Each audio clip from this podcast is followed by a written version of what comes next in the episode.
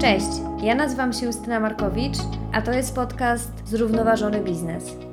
To miejsce dla przedsiębiorców, wizjonerów i innowatorów, którzy chcą zmienić świat biznesu na bardziej zrównoważony. Jeżeli bliski sercu jest Ci model firmy tworzącej wartość dla środowiska i społeczeństwa, to jest to miejsce dla Ciebie.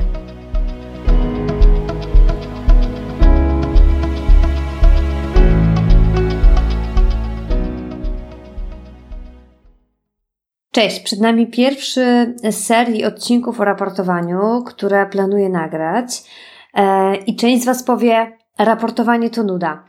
Ale nie, to nie jest nuda. Raporty niefinansowe e, mogą być naprawdę ciekawe, e, a w tym odcinku dowiecie się, dlaczego są kluczowe. Przykładowe pytania, na jakie znajdziecie odpowiedzi w tym odcinku, to po co firmy tworzą raporty, dla jakich firm e, raportowanie jest obowiązkowe, dla, in, dla jakich e, nieobowiązkowe, po co firmy, mm, które nie mają takiego obowiązku, raportują, mm, jaki zespół jest potrzebny do stworzenia raportu w firmie, E, jakie raporty warto przeanalizować e, i się nimi zainspirować oraz od czego e, w ogóle zacząć raportowanie w firmie. Jedną rzeczą, jaką chcę dodać, to zachęcić Was gorąco do posłuchania 15 odcinka z Martą Lesiewską.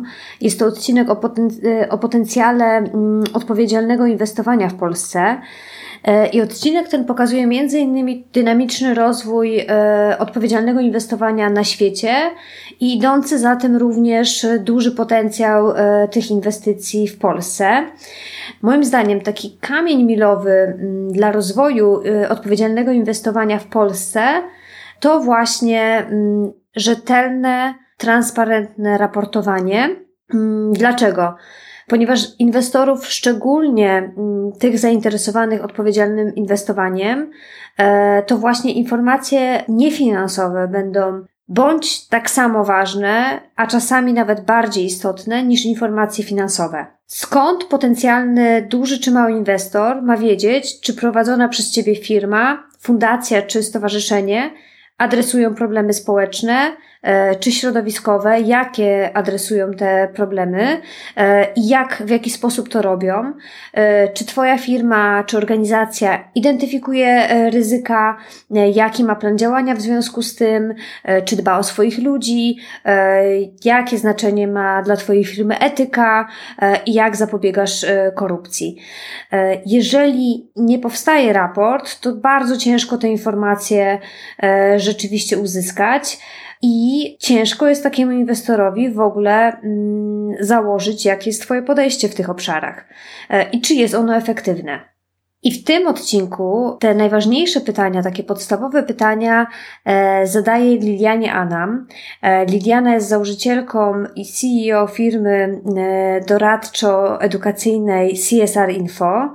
Liliana od 16 lat pracuje w obszarze CSR-u, ESG i zrównoważonego biznesu, e, dzieląc się wiedzą e, i zmieniając praktyki w firmach.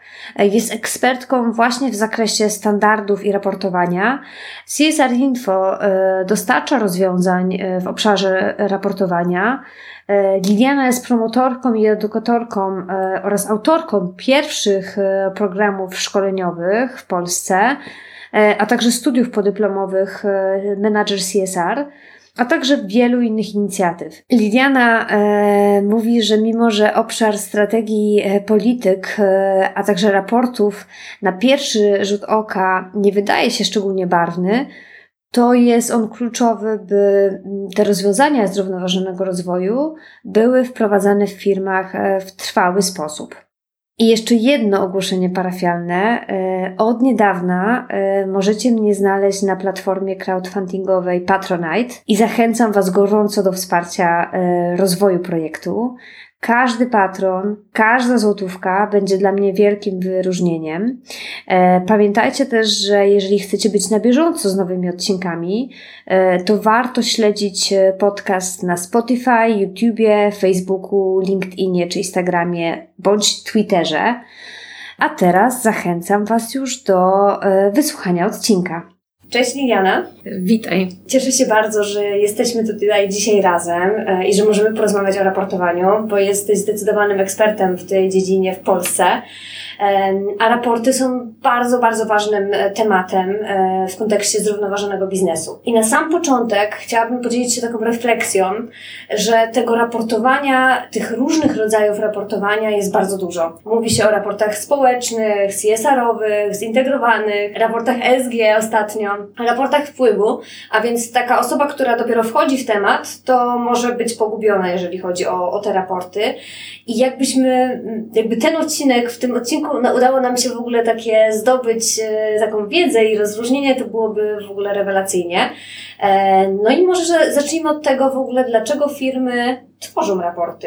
Dziękuję Ci za to, za to wprowadzenie. Faktycznie jest tak, że ten obszar ewoluuje i mamy chyba, policzyłam ostatnio 10 różnych definicji y, na podobne y, raporty. I my mówimy dzisiaj o raportach nie takich typowo finansowych, które tak naprawdę każda spółka zgodnie z polskimi przepisami prawa powinna publikować, tylko mówimy o raportach niefinansowych, czyli takich, które zawierają też informacje społeczne, środowiskowe, mają nieco inny charakter i w związku z tym też to wpływa na to, że nieco, nieco inaczej się je przygotowuje. Generalnie bym porównała te wydawanie raportów, w ogóle przygotowanie ich i tak dalej, do takiego naszego badania, badania krwi. Słuchajcie, idziemy do lekarza, e, robimy badania po to, żeby zobaczyć, jaki jest stan rzeczy, e, gdzie jesteśmy i co mamy zrobić w przyszłości. I dokładnie tak samo jest z raportami.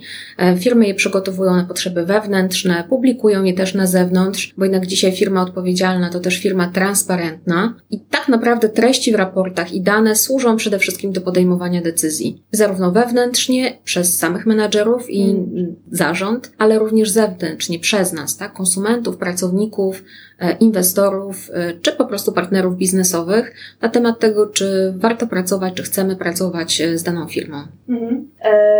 no właśnie, bo dla jednych firm to raportowanie jest obowiązkowe, dla innych nie jest obowiązkowe. I na czym polega ta różnica? Przez jakiś czas w ogóle były bardzo duże różnice w całej Europie, ponieważ w niektórych krajach to raportowanie było obowiązkowe, a w niektórych nie. Więc załóżmy taki dostawca czy klient w jednym kraju miał dostęp do informacji na temat danej firmy, a w innym kraju nie miał. I teraz, żeby to zrównać, y, ten dostęp do informacji, Komisja Europejska wprowadziła obowiązek, natomiast na początek obowiązek dla dużych przede wszystkim podmiotów. Myślę, że to jest ważne do zapamiętania Mhm. I te regulacje pojawiły się, myślę, że Was zaskoczę tutaj, bo dawno już temu, czyli w 2014 e, pojawiła się dyrektywa i teraz po tych sześciu latach e, wiem, że pojawi się nowa, więc być może jeszcze więcej firm, nie tylko te naj, największe i notowane na giełdzie, będą miały taki obowiązek. Różnica między tymi, odpowiadając natomiast na Twoje pytanie, różnica między tymi, które mają ten obowiązek, a tymi, które nie mają, to po pierwsze jest taka, że one muszą zaraportować,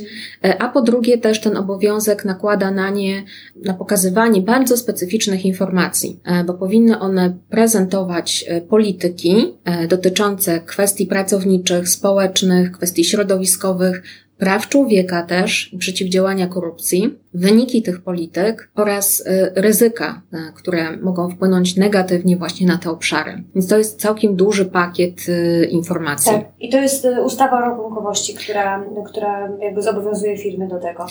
Zgadza się, ponieważ większość raportowania jest ujęta właśnie w ustawie o rachunkowości. Tam są obowiązki dotyczące właśnie raportowania finansowego i dodano również też obowiązki dotyczące raportowania niefinansowego. Mhm. I wiem, że na horyzoncie są właśnie kolejne dyrektywy, polityki, które mają być wdrożone i na przykład firmy mm, z branży finansowej będą e, musiały raportować. Ale pewnie dzisiaj już nie będziemy wchodzić w szczegóły tego.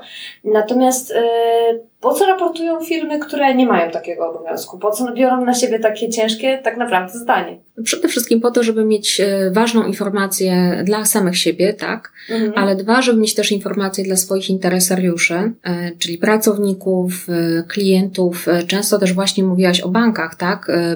Dla banków, instytucji finansujących. Mm, jak się przyglądałam temu, jakie są motywacje, to mam wrażenie, że co firma to trochę inna motywacja. Nawet swego czasu prowadziliśmy badania na ten temat temat i jak się przyglądałam temu, mm, to często jest tak, że firmy mają swoje strategie odpowiedzialnego biznesu i zrównoważonego rozwoju i w jaki sposób chcą Wam zakomunikować postępy w tych strategii, chcą też zakomunikować je wewnętrznie, co się dzieje w firmie, chcą nawiązać relacje z interesariuszami, czyli z otoczeniem też spółki. Bardzo często też takie raporty, szczególnie przy firmach produkcyjnych, są wykorzystywane do kontaktu ze społecznością lokalną, tam w miejscu, gdzie jest zakład produkcyjny. I też ten proces raportowania, bo tu bym rozróżniła mamy raport jako pewien produkt finalny, ale mamy też cały proces, który zmierza do tego produktu, z którego firma tak naprawdę y, może odnieść szereg korzyści. I jednym z nich jest właśnie budowanie też relacji z otoczeniem. E, tak naprawdę ten raport może być takim, to, to nie jest jednorazowe wydarzenie dla firmy, tylko zakłada się, że to jest pewien proces i z roku na rok e, ten dialog powinien trwać, że to nie jest tak, że to są raport z 2019 w ogóle nie jest jakoś powiązany z, z tym kolejnym, więc to chyba tak powinno być, że to jest jakaś taka ciągłość. No właśnie, a jaki zespół będzie potrzebny do stworzenia raportu w firmie? Bo często zdarza się, że to ten obowiązek spada na, na pojedyncze osoby, a chyba to nie jest możliwe, żeby to, to stworzyć samodzielnie. Faktycznie, wydaje się tak, że a, jakiś raport, to przecież mogę wziąć jakieś informacje i po prostu go napisać. A się okazuje, że żeby przygotować taki e, raport e, dla Was, żeby wziąć do ręki e, go, to potrzebna jest praca bardzo wielu osób, które starają się, żeby te informacje, które dostarczają, były miarodajne i w zależności od wielkości firmy nad pracą takim raportem zaangażowanych jest kilkunastu do ponad stu osób. To wynika właśnie z na przykład dostarczania informacji, agregowania informacji, przyglądania się też pewnym decyzjom dotyczącym raportu, ale też i standardom, tak? Ponieważ te raporty przygotowywane są najczęściej według międzynarodowych standardów, po to, żeby można było je porównać, dane z tych raportów z innymi. Także jedna osoba mm, może powiedzmy koordynować czy być liderem tego projektu, ale na pewno będzie wymagała wsparcia innych osób w organizacji i zaangażowania zarówno decydentów, zarządu, e, jak i zaangażowania menedżerów czy specjalistów, osób, które mają dostęp do bardzo konkretnych e, informacji. Mhm. E, tak, wspomniałeś ten zarząd e, i tutaj często mm, zespoły, które pracują albo może w firmach są takie mm, komentarze, że właśnie zarząd nie jest wystarczająco zaangażowany w ten tak tak można powiedzieć, strategiczny projekt filmowy. Jak tutaj można ten zarząd zaangażować, albo jak przekonać zarząd, że rzeczywiście powinien się zaangażować w, w proces tworzenia raportu? Ja myślę, że na naszym rynku, e, tak jak obserwuję, są dwie prędkości. E, są te firmy, gdzie faktycznie zarząd uczestniczy w decyzjach dotyczących sprawozdawczości firmy. On też ponosi odpowiedzialność za finalny raport, tak, za dane, które są w nim zawarte. I są, jest taka druga prędkość, gdzie są zarządy mniej zaangażowane. I teraz co zrobić, e, żeby zwróciły na to uwagę. To jest takie pytanie, które bardzo często się pojawia i my też organizujemy spotkania, które nazywają się ESG w spółce Rola Zarządu.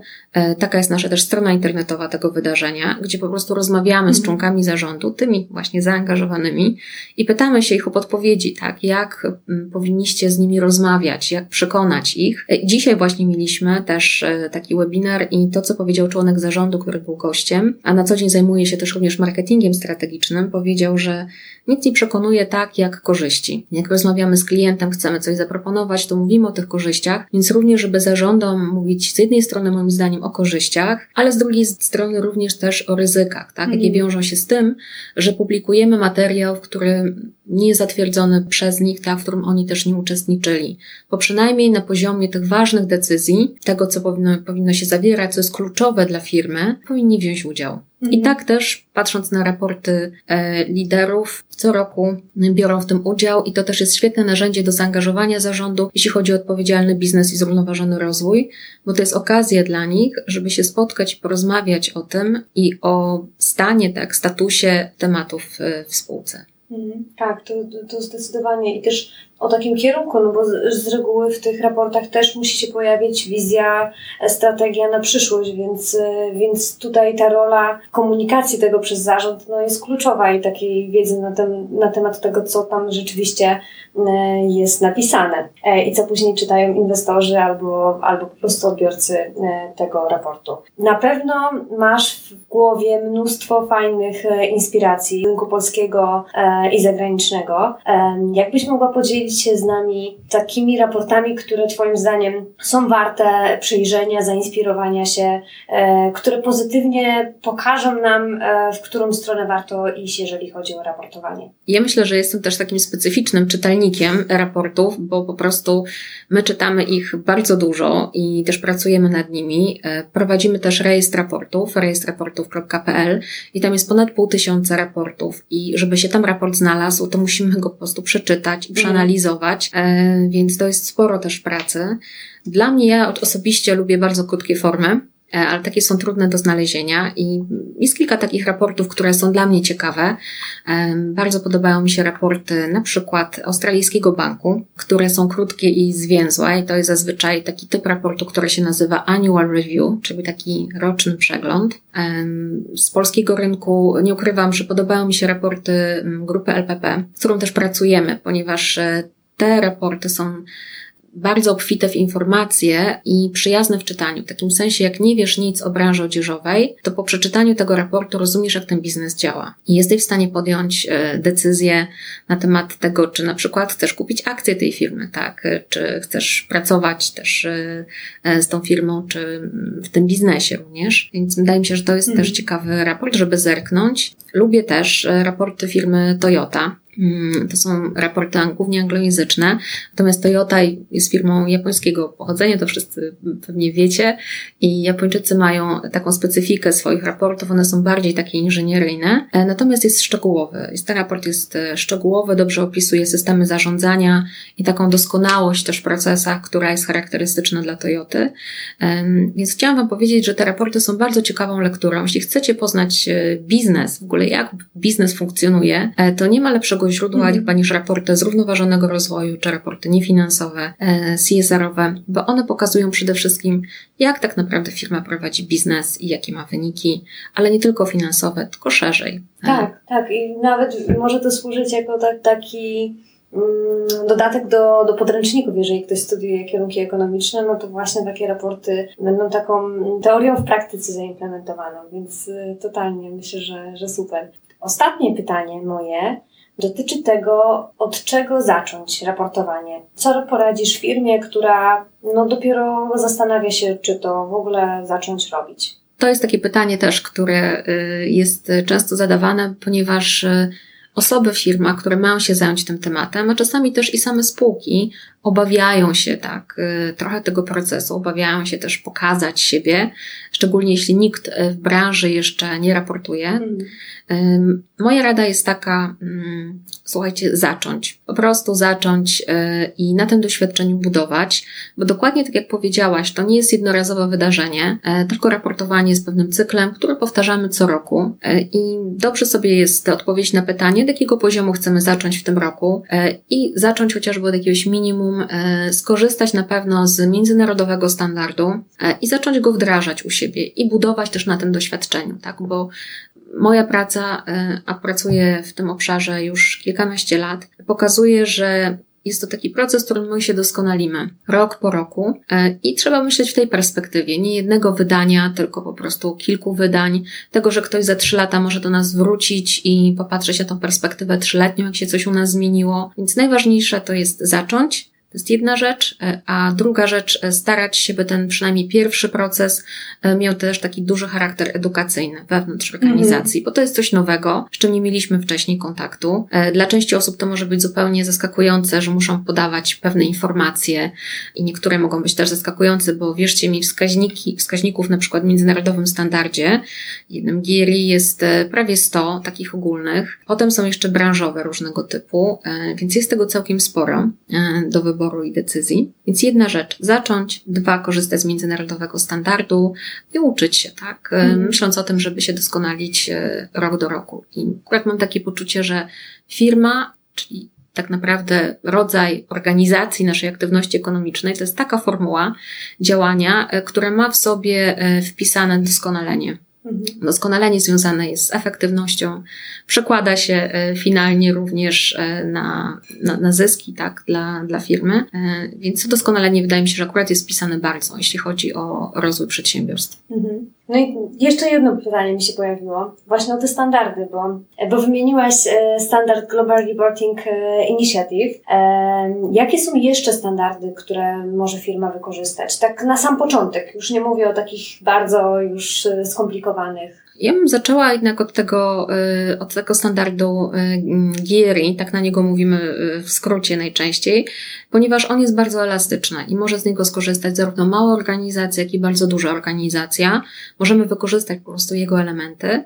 Oprócz niego jeszcze bardzo popularnymi standardami na świecie jest standard też raportowania zintegrowanego, czyli takiego, który łączy informacje finansowe i niefinansowe razem. E, mamy też, bym powiedziała, w regionie Ameryki Ameryki e, Północnej jeszcze taki standard e, e, SASBI. Więc jest kilka tych międzynarodowych standardów, natomiast popatrzyłabym też na to, co jest dostępne w języku polskim. I w języku polskim są dostępne wytyczne Komisji Europejskiej właśnie dotyczące raportowania niefinansowego, jeszcze bardzo szczegółowe dotyczące kwestii klimatycznych i one są niedługie, ale są napisane w taki, moim zdaniem, całkiem przystępny sposób. Pokazują też, dlaczego to raportowanie jest ważne z punktu widzenia w ogóle Unii, naszego regionu, naszej gospodarki. I myślę, że to też jest, są, są takie dokumenty, które są warte, e, żeby po nie sięgnąć.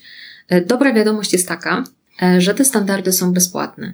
E, I to bardzo wyróżnia ten obszar od e, innych obszarów biznesowych, gdzie zazwyczaj w przypadku norm, na przykład e, normy ISO, mhm. trzeba jednak je, je opłacić. Natomiast te standardy są bezpłatne, więc szkoda z nich nie skorzystać. Tak, też tak myślę. No dobrze. Ostatnie pytanie zawsze, które zadaję gościom podcastu, to takie, gdzie Cię można znaleźć i w jakie projekty aktualnie się angażujesz? Myślę, że mnie najłatwiej znaleźć na LinkedInie. E, Liliana Anam. Jeśli wpiszesz moje nazwisko, to e, tam mnie znajdziesz i też znajdziesz CSR Info. E, drugim kanałem, na którym możesz nas znaleźć, to jest oczywiście Facebook. W tych kanałach, ale też w newsletterze na naszej stronie możesz się dowiedzieć o tym, co aktualnie robimy. I takim projektem, który rozpoczęliśmy w tym roku i będziemy go kontynuować, myślę, że przez większość roku, to projekt ESG w spółce Rola Zarządu. I to są właśnie spotkania z członkami zarządów i możecie znaleźć informacje o nich na stronie esg w spółce csrinfo.org i tam możecie albo odsłuchać re retransmisję, e, albo zapisać się na kolejne, na kolejne spotkanie. Super, bardzo Ci dziękuję za tą rozmowę e, i mam nadzieję do zobaczenia, do usłyszenia w jeszcze jakimś odcinku. Bardzo Ci dziękuję. Do zobaczenia.